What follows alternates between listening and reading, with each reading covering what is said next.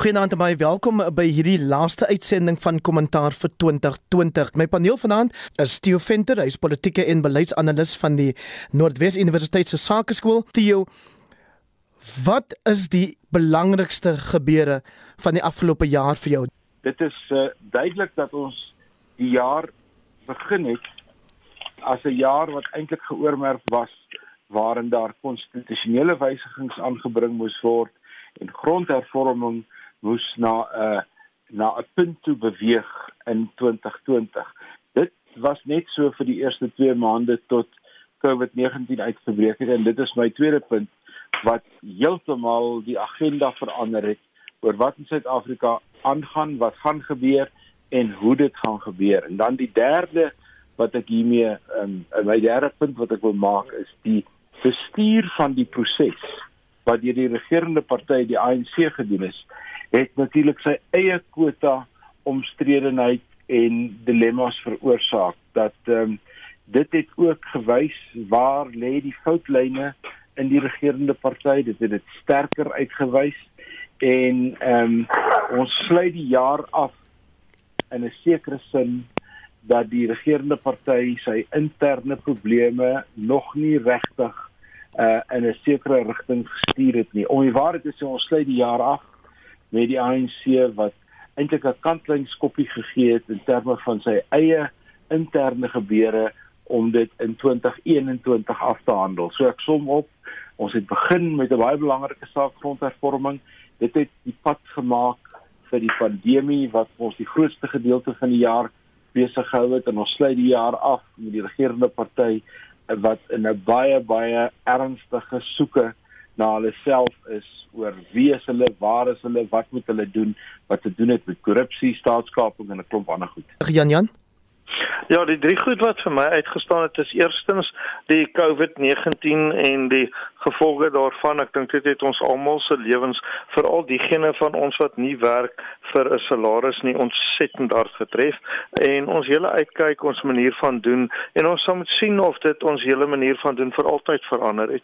Tweedens dan um korrupsie en wanbestuur wat hierdeur geaksentueer is. Um dit het uh, makro-ekonomies en fiskaal ons beweegruimte heeltemal ingeperk en ons land is omtrent 4 jaar van 'n fiskale afgrond af met geen aanduiding dat um, daar die murg in die pype van die ANC is om die moeilike besluite te neem nie. En dan derdens sou ek sê op wêreldnuus, um, jy weet ek is maar ou wat redelik ingeperk is um binne die Suid-Afrikaanse grense wat nuus betref, maar ek dink die verandering in um leierskap by die Amerikaners met dit dat meneer Trump inderdaad ja Trump ondersteuners aanvaar dit nou die verkiesing verloor het en dat ook Brexit um glad nie so goed uitwerk as wat Boris Johnson gehoop het nie. Dit kan 'n interessante nuwe wêreldorde inlei, veral met dit dat die um Chinese staat met uh, sy geweldige sterk hou vas op sy mense, die gebrek aan vryheid wat in daardie land bestaan, dalk um die COVID-19 situasie wat hulle veroorsaak het beter hanteer het as ander lande en dit kan 'n mate van gaping plaas ekonomies tussen China en die res van die wêreld. Max? Natuurlik uh, die pandemie en uh, hoe dit ons geaffekteer het maar veral ook benewens die gesondheids uh, aspek daarvan. Hoe dit ons ekonomie deur die kniekoppe geskiet het en ons gaan baie jare wag om daarvan te kan herstel dit het ook die die verskriklike ongelykheid in ons gemeenskap uitgewys en ons sit nou met baie miljoene werklose mense. Ek sou ook sê die die Trump verskynsel het nogal oor die wêreld 'n bietjie oorheers en miskien moet ons die positiewe spin daarop sit en sê en nou is Trump amper geskiedenis. Die mm. feit dat die Amerikaners uh, 'n uh, gematigde oomie gekies het wat die middelpad gaan volg en vrede gaan maak en mense bymekaar wil uitbring en weer vrede in die wêreld wil hê in terme van sy uh, politiek van onderhandeling en raadpleging en so on. Ek dink ons gaan dit hier by ons voel. Maar ek sou sê vir my is die belangrikste wending die feit dat politieke aanspreeklikheid, verantwoordbaarheid weer terug op die tafel is.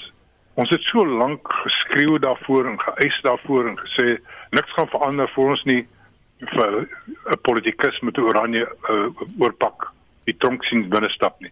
Dit het toe begin gebeur. Dit het toe begin gebeur. Ek meen daar's meer as 100 sake voor die hof op die oomblik van politici en senior amptenare terme van korrupsie. Ysmagashule is aangekla. Ehm um, Bongani Bongo is aangekla. Osebenzi Zwane is volgende. Uh daar's 'n lang lys. Dis nie net die nasionale vervolgingsgesag wat sy agterend in die rad in rad gekry het nie. Dit is ook die sondekommissie wat na die 5de rad oorgeskakel het. En ons het almal gesit en kyk hoe mense soos Dudu Muyene voor die sondekommissie verskyn. En natuurlik dan is daar die die showdown at OK Corral met tussen Zondo en en Jacob Zuma. Mm. So ek dink dit was 'n dis 'n groot wending waarvan ons die vrugte van Februarie se kant af sal begin sien wanneer Esma Gesule se saak uh begin voorkom en dien voor die hof. Uh, ek dink dit is uh, iets wat die geskiedenis gaan terugkyk en sê dit was 'n verandering, dit is 'n besliste wending. Behalwe Theo as daar ook loeiende sirenes sal gehoor word daar by die hofverskyning van Esma Gesule wat dalk dui op ondersteuners van hom wat sake kom ontwrig. Dit moet ons nou maar aanvaar gaan deel wees van die prentjie van hier af vorentoe. Soos wat uh, Max nou uitgewys het die uh, eh, NPA en die valke hulle werk begin doen is daar 'n baie besliste terugdruk poging uh, waarin die uh, sekretaris-generaal van die ANC natuurlik totaal onskuldig is maar dit in alle waarskynlikheid agter die skerm self gereël het so dit is die dis die paradoks wat jy in die ANC het dat jy uh, in die openbaar eh, 'n uh, ding kan ontken en in privaat eh, 'n uh, baie noue deel daarvan is.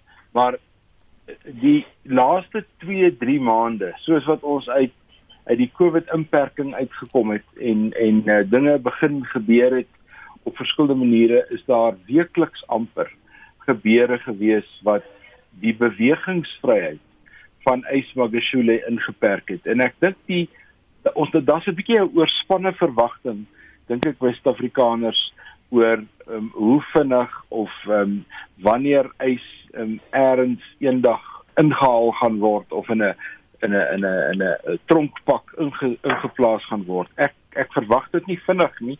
Wat ek wel verwag is dat die omringende ondersteuningsnetwerke waaroor hy beskik dit vir hom al kleiner en kleiner gaan word en minder bewegingsruimte gaan gee en mettertyd die situasie so moeilik is dat hy op een of ander manier 'n besluit moet neem na 'n kant toe. Nou sy ondersteuners sê natuurlik nee, dit is nie die ehm um, situasie nie. Hy sit en wag uh vir vir Ramaphosa by 'n algemene raadsvergadering eers in volgende jaar sogenaamde annual general meeting wat uh, hulle wil omvorm op een of ander manier om dit dan in 'n krisis um, te veroorsaak om dit vir die president so moeilik as moontlik te maak want hy moet oor 'n jaar of 2 moet hy weer staan as hy 'n tweede termyn wil hê. Mm. Ehm mm. um, so die, hulle hulle dink dat hulle 'n poging het of hulle het 'n kans om 'n ontwrigting mee te bring. Maar ek dink die pro ehm um, uh, Ramaphosa mense weer voel dat die die net al stywer span en hulle bewegingsvryheid al kleiner word en hierdie gaan om uitspeel in die loop van 2021. Ons het ons het in die hele 2020 eintlik net die voorspel gesien tot 'n ontplooiing wat om een of ander tyd volgende jaar gaan gebeur.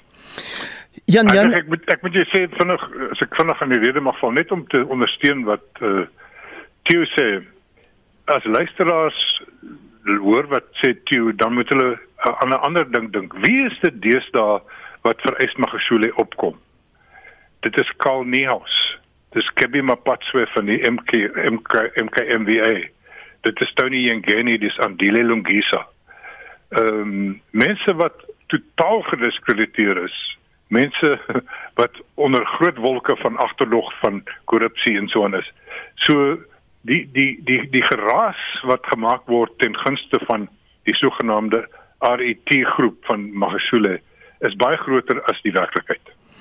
Jan Jan so terwyl die Magashule kwessie natuurlik te doen het met die magstryd binne die ANC het dit ook oor hoofs dink ek te doen met die kwessie van staatskaping. Nou as Theo verwys na 'n oorspanne verwagting by Suid-Afrikaners dan geld dit ook seker wat regter Zondo se eie optrede aan betref dat daar 'n oorspanne verwagting was dat hy tog sy voet moet neersit teen die Dudu Mjenis en die Jacob Zuma's wat daar kom sit en dan kan hulle niks onthou nie of hulle probeer hom en die getuienisleiers soveel as moontlik frustreer. Het hy toe sy voet neergesit Ek ek het hier voorreg gehad om vroeër um, van 'n gesprek te hê met Adjunk Hoofregter Zondo en ek het vir hom daai spesifieke vraag gevra. En jy weet hy het op sy kalme manier wat ek so ongelooflik bewonder het en dis hoekom hy my persoon van die jaar is as ons almal soos regter Zondo was met die land so waar nie probleme gehad nie. Maar um ek het hom presies daai vraag gevra en hy het gesê kykie sy werk is om vir mense die geleentheid te gee om hulle kant van die saak te stel. Hulle moet daai geleentheid gebruik of nie gebruik nie. Hy skep juis soveel geleenthede sodat niemand sal kan sê hulle het nie 'n geleentheid gehad nie en uiteindelik sy bevindinge maak op grond van die inligting voor hom. Nou, ek wil nie woorde in sy mond lê nie en dis juis een van die wonderlike dinge dat hy so sulke onaanvegbare stellings maak, maar my lees daarvan in my eie onvolkomeheid is dat hy hy gee vir hulle kans. En as hulle nie wil hoor nie, gaan hulle voel want daai verslag kom en daai verslag gaan lei tot ehm um, spesifieke ehm um, vervolgings en as te Domieni die baie baie baie goeie vriendin van meneer Zuma ook bekend as mevrou Dudu Mjeni Zuma. As sy nou die dag um voor 'n hof kom en daai dag kom dan um, gaan sy moet verduidelik hoekom sy gesê het sy gaan haarself inkrimineer as sy daai dood uh, gewone vrae probeer beantwoord um soos sê is.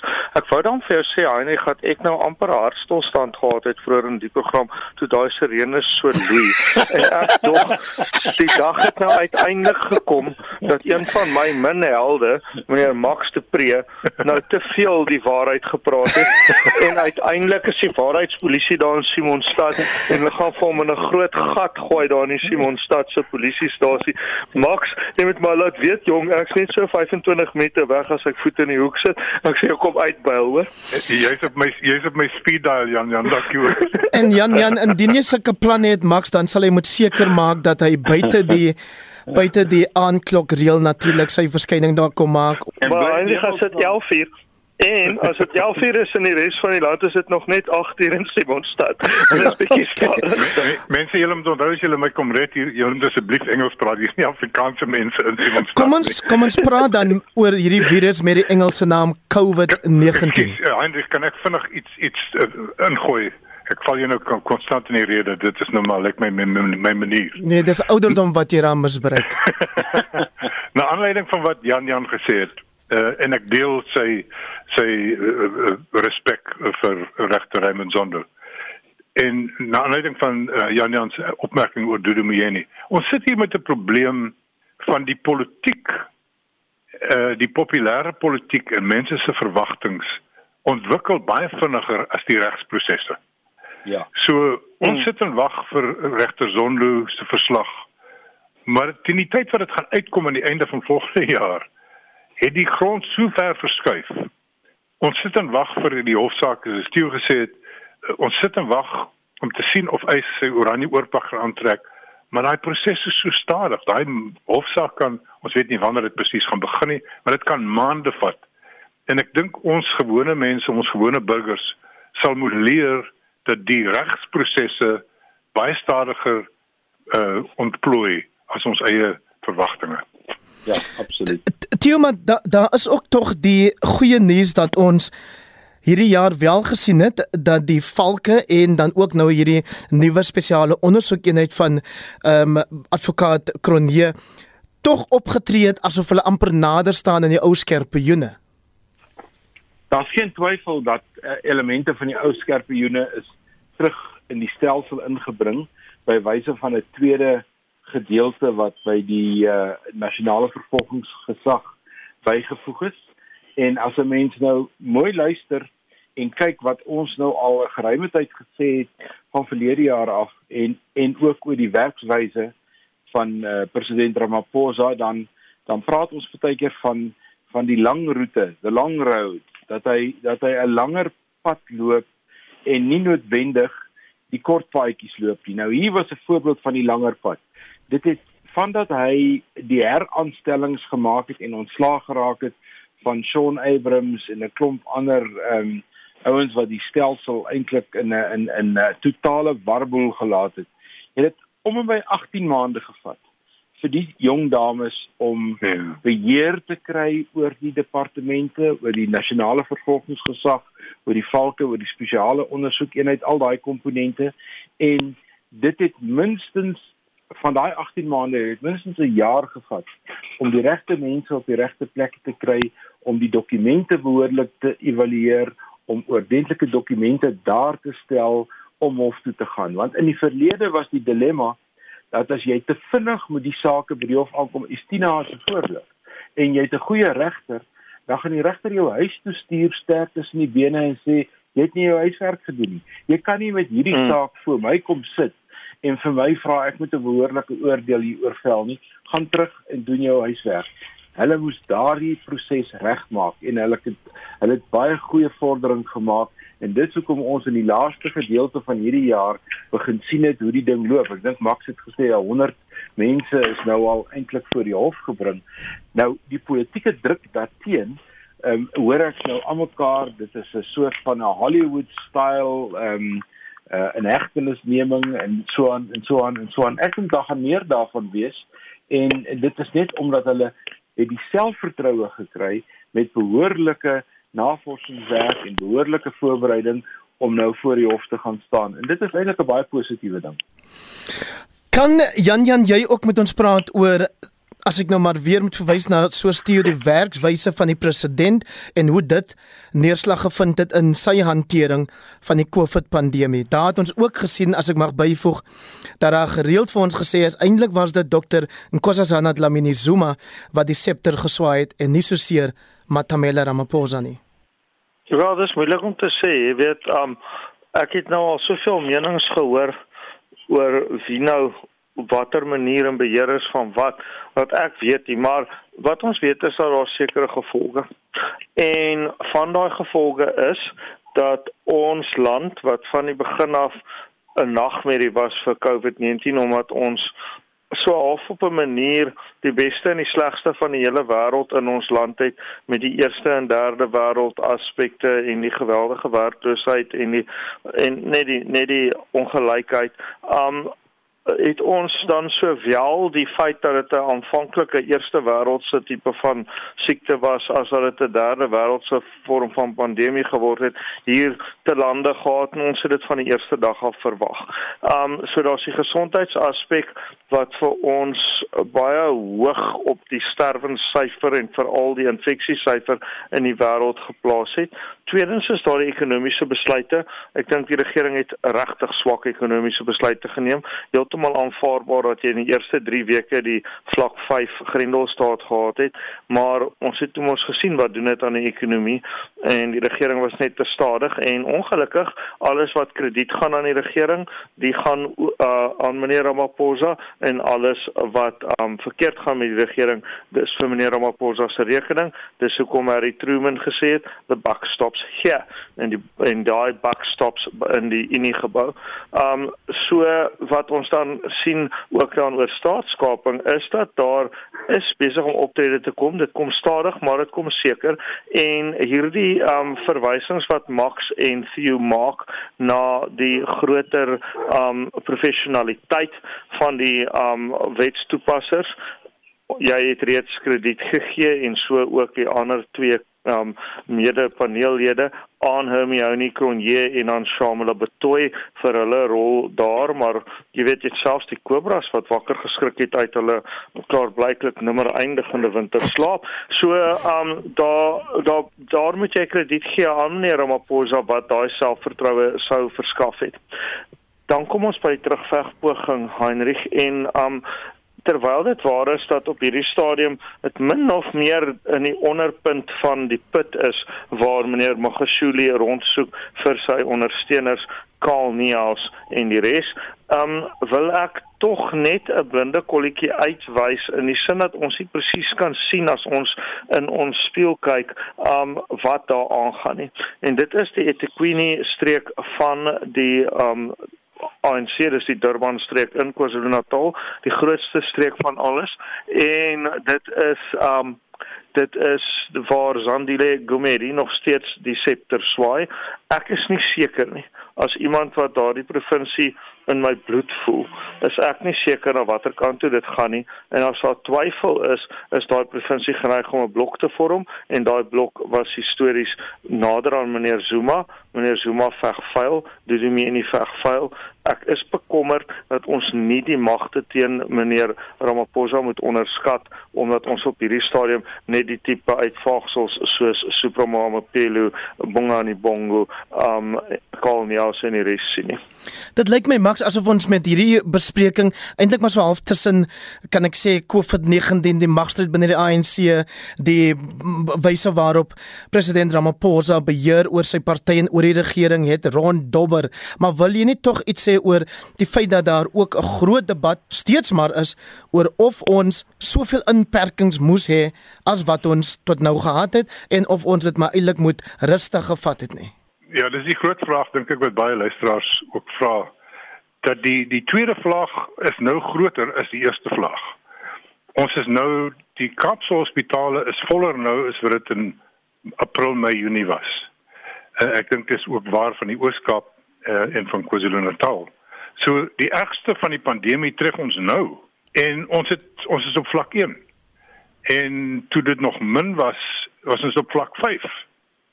So Ek dis baie moeilik om dit te sê en dit is baie moeilik om om om vir die regering te kritiseer en te sê julle moes dit anders gedoen het want die, hierdie ding het nog nooit gebeur met enige land nie. Uh, die laaste keer wat so iets gebeur het was in was in 1919, 1918 met die groot griep. So niemand het mooi geweet presies wat om te doen en ons kyk hoe val lande rond val gesofistikeerde lande rond. So Swede wat aanvanklik gesê het ons doen niks en nou skielik vaar hulle die slegste en hulle begin toemaak. Uh Nederland dieselfde. Brittanje het die ding liderlik opgemors. So dis moeilik om terug te kom en te, te kyk en te, vir mense vinger te wys en sê dit was te veel, dit was te min. Uh want almal voel maar hulle weg hierdeur. Wat ons wel kan sê is dit van die goed was verspot. Was irrasioneel. Woolworths hoenders en ooptoon skoene en en en die totaal absurde tabakverbod. Ja. Ek dink dit was die verspotste ding wat in die hele 2020 gebeur het was om vir mense te sê hulle mag nie sigarette gaan koop nie. Toe gaan koop al die miljoene rokers in die land dit skelm. So ons het miljoene Suid-Afrikaners in kriminele verander want hulle moes om 'n donker hoekie gaan koop het en baie min mense het eintlik opgehou rook. Maar wat jy sê van eh, ons dobber tussen COVID en die ANC ons is presies waar. Ons land word oorheers deur die verlammendheid uh in die ANC. Daar's nie die die die die die president het nie 'n skoon hand wat hy kan speel nie. Hy moet die hele tyd oor sy skouer loer.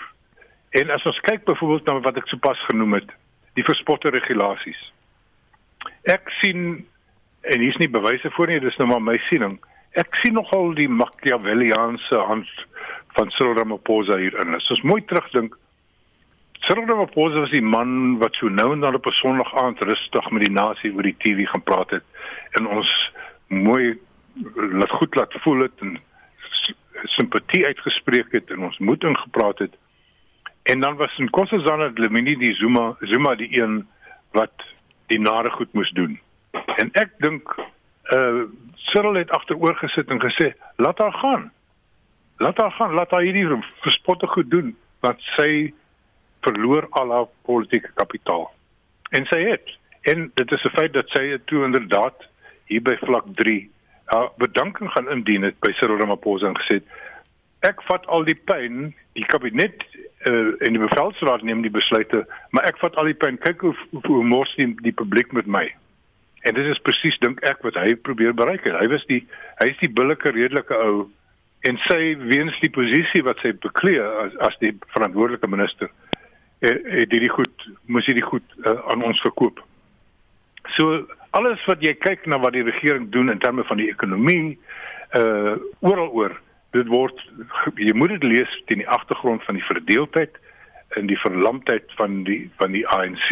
As jy nou eers by ons aansluit, dan het jy min of meer die helfte van vanaand se program misgeloop reeds waar ons 'n terugblik gee oor die jaar 2020 en my paneel vanaand is Max de Pre, mede-redakteur van Vrye Weekblad, saam met hom die skrywer en joernalis Jan Jan Joubert wat se laaste boek getiteld was sal ga, gaan Jan Jan gaan Suid-Afrika okay wees. Okay, en dan saam met hulle die politieke en beleidsanalis van die Noordwes Universiteit se Sakeskool, die heer Theo Venter. Kan ek dan net vir jou Theo vra oor die kwessie van sosiale kohesie nou die afgelope wel twee Vrydae gelede het um, iemand wat gereeld aan hierdie program deelgeneem het Steen Henkemann ongelukkig ook aan COVID ont ontkom. Hy het na aanleiding van seker een van die plofbaarste gebeure wat ons die afgelope jaar gesnit, naamlik die gebeure daar by Senekal het hy gepraat van Senekal wat die slagveld van ideologie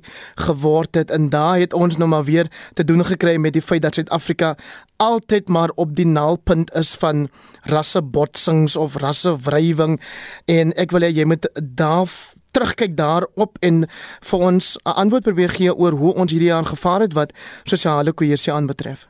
Suid-Afrika osilleer tussen twee twee pole. Aan die een kant um, is daar baie duidelike navorsing op verskillende plekke wat wys dat die gewone Suid-Afrikaner is om nou um, Jan Jan se boek te gebruik, okay met mekaar.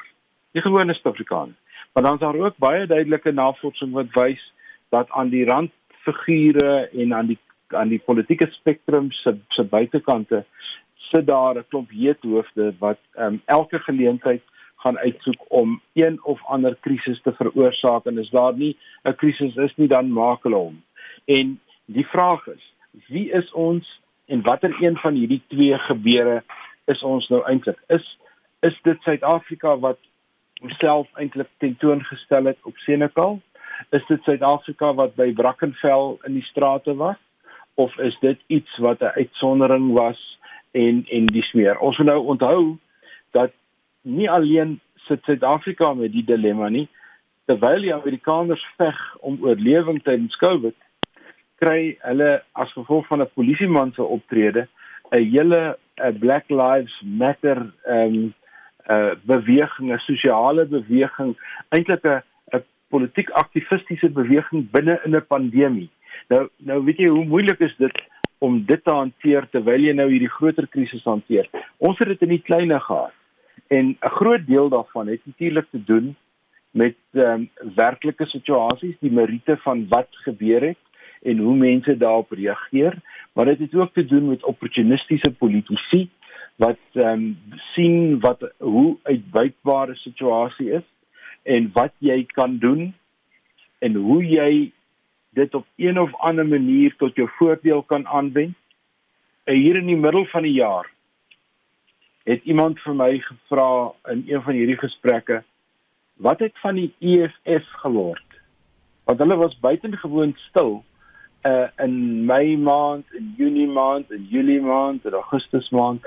Daar was eenvoudig nie media ruimte vir hulle hmm. binne die COVID krisis nie en ek dink Senekal het hulle weer teruggesit in die prentjie. So ons het politieke partye wat dit uitbuit.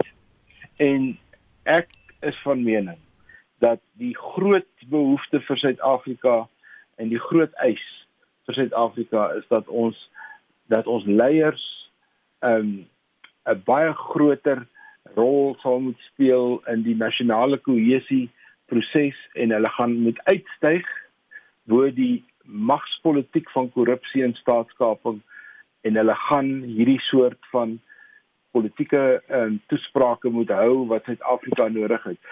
Jacob Zuma kon in 10 jaar nooit so 'n toespraak hou nie. Daarom weet hy kon, maar hy was 'n bietjie hy was 'n bietjie voorskrifklik en hy was 'n bietjie intellektueel. vir die mense wat na hom luister. Ramaphosa het die vermoë en ek dink as die situasie en die ekonomie hom in staat stel om hierdie soort van ding meer te doen, sal hy die president wees wat nasionale kohesie 'n baie sterk stoot kan gee. Maar die maar ek som op weer te sê aan die einde van 2020 was daar een of twee insidente wat Suid-Afrikaners baie bekommerd gehad het oor wat is die stand van verhoudinge tussen gewone mense in die land en ek dink die stand tussen gewone mense is goed maar dit word op tye uitgebuit en van die uitbuiters weet wat hulle doen en hulle weet wat hulle doen is baie keer heeltemal doelbewus en aspres Jan Jan in die jaar vroeg het die nywerhaar Dr Anton Rupert 'n boek uitgegee waarvan die titel in Engels was Priorities for Coexistence. Wat behoort ons prioriteite vir goeie Mm, daar daar's Afrikaanse vertaling. Is daar? Nou ja. ja, prioriteite vir medebestaan. En hoe behoort op my op my rak. Maar maar fantasties, ons is beïndruk daardeur is ons nie. Um uh, uh Theo en Max met wat op Jan Jan se boekrak aangaan nie. Nou jou boek waarna waarna ons nou nou verwys het het, ge, het gevra gaan ons okay wees. Reken jy wat Hmm, wat meer prioriteite vir medebestaan. Wat medebestaan um, aanbetref, is ons okay en wat behoort ons prioriteite te wees? Um man kyk wat daai boek betref, hy sê hy's definitief ingehaal deur um deur COVID-19. Kom ons kom ons kom ons laat die sluier daaroor sak. Maar um wat medebestaan betref, dink ek dat um ons ons moet jy weet daar's nie ander opsie nie. Anderster dan loop ons die pad van die Balkans en van die ou ESSR en ons begin mekaar skiet en gaan te kere en nie 'n goeie idee nie. So um ek dink ek dink versoening is die enigste pad vorentoe en dit was nog altyd die enigste pad. Daar's altyd jou mense wat mense opklits na die en daai kant toe en is hartseer om te sien hoe hulle sukses behaal. Jy weet hoe mense hulle self jy weet verontrief en en um ingedoen voel. Maar uiteindelik is versoening die enigste pad. Dit glo ons mos. Uh, en in daai verband, Heinrich, wil ek tog sê dat COVID-19 het in alle gemeenskappe mense van leiers en van voorlopers beroof hierdie verskriklike siekte. Maar drie wil ek uithaal wat groot versoeners was elkeen op hulle eie gebied in ons Afrikaanse gemeenskap. En beginnende miskien by Elsa Joubert, mm. nie familie van my is nie, ouderdom van 97, mm. um aan COVID omgekom het hierso in Kaapstad. Absolute baanbreker as mense in hierdie vakansietyd kans het om te lees dan by hierdie veelbesproke boekrak van my sien ek onder meer wonderlike geweld reisiger en spartyd die drie dele van haar outobiografie. Mm -hmm. Tweedens, ek het sy naam genoem Dr. Stan Hinkelman ou kollega van ons op hierdie program soveel gedoen in Instituut vir Geregtigheid en Versoening geen bitterheid met hom saamgedra vir wat hierdie land en ons mense aan hom gedoen het nie. Sy liefde vir Afrikaans en vir ons koerant die burger behou altyd 'n versoenende effek oral gevind. En derdens wat so ons sopas verlaat het hier in die Parel um is Afro Petersen um opvoeder van formaat rugbyman wat versoening gebring het toe almal wou baklei in die dae van Dr Louis Lyte en sy stryd met Nelson Mandela en ek het altyd vir Afro Petersen gesê hy is vir my die verpersoonliking daarvan dat daai ding van good guys always finish last sien waar nie Ek onthou daar was 'n slag 'n raadsverkiesing in daai onstuimige tyd.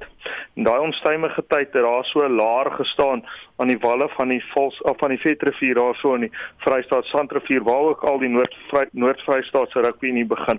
Alles onder dit was so 'n soort van nie aan Dr. Luit se kant nie en alles bo dit die was aan Dr. Luit se kant en Athrop was die enigste ou op haar hele bestuur wat al 47 stemme gekry het toe hulle bestuursverkiesing hou.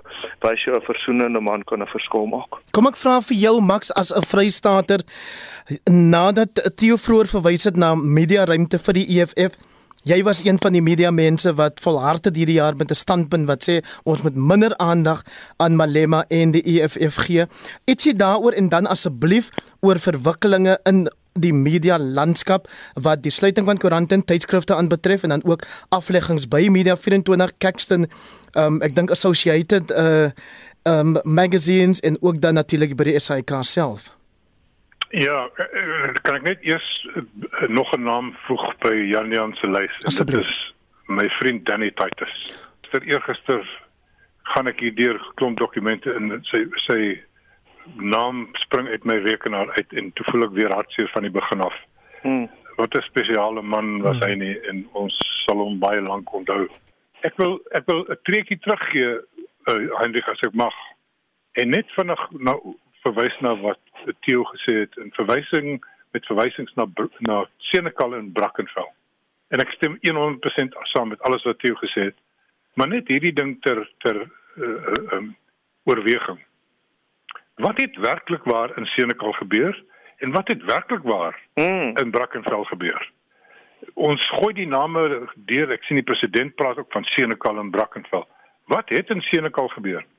Senekal daar was 'n verskriklike wrede moord op 'n plaasvoorman en die plaaslike gemeenskap het beswaar gaan maak daarteen. En toe kom daar 'n dosyn of wat willewragtigs en storm in die hof in. Dit is wat daar gebeur het. Die meeste van die boeregemeenskappe, die plaasgemeenskappe daar het hulle rade opgedraai en agterna gesê dit is nie wat gedoen moes gewees het nie. Dis nie wie ons is nie. En mense het gaan vrede maak. Dis daai klompie mense. Wat het gebeur? By Brackenfell. Ons kan ons sorry, maar kan ons net sê dit was met ander woorde wat jy nou na verwys vir Senekal is voor die EFF betrokke geraak het, né? Nee? Ja, ja, ja, ja bedoel ja, voor die ja, EFF. Ja. Daarna kom die populiste toe by en en en daar gaan die hele ding uh, raak die hele ding uh, die koers kwyt. Uh, Weereens voor die EFF betrokke geraak het Brackenfell. Wat het by Brackenfell gebeur? Daar was 'n matriekafskeid wat privaat gereël is en soos ons nou verstaan, is almal genooi maar net wit kinders het gegaan. Nou ek dink dan moes dit dan moes die ouens, die ouers en die en die onderwysers wys genoeg gewees het en gesê kom ons los dit dan liewer. Maar dit is die feite van die saak. Dat dit was nie 'n wit wit is alleen uitnodiging nie. En ek dink ons kon daai probleem daar opgelos het. Wat het toe gebeur? Is toe kom daar 4 of 5, letterlik 4 of 5 mense, waarskynlik van hulle nie eers ouers nie en slaan onder van die EFF betogers daar. Mm. En toe kom die tweede vlag. So ons moet altyd kyk na hierdie goed en kyk wat het dit reg, wat was dit reg? En weet toe, so steel gesê, weet toe daarvan misbruik gaan maak. Hmm. Ehm um, ekskuus dat ek nou eers myself in die in die rede geval het. Maar ek het 'n ding oor populisme en dit sluit aan by jou vraag van van ek sê moenie genoeg sien, moenie te veel suurstof gee aan goedkoop populiste nie. Uh, en hier is 'n voorbeeld wat ek wat ek altyd gebruik. En dis Adilen Pitama van Black First Land First. Op die stadium voor verlede jaar se verkiesing, as jy jou radio aansit of jou, jou televisiestel aansit, dan sit die man daar en spoeg sy hart. En ons het die indruk gekry die man is waarskynlik so belangrik so Cyril Ramaphosa want ons sien hom dan elke dag, ons lees hom elke dag. Sure. Ons hoor hom elke dag. En toe kry hy iets soos 40000 stemme in die verkiesing en nou hy verdwyn. En nou is daar nie meer aandele nie. En, en ek sou sê laat ons dit begin doen.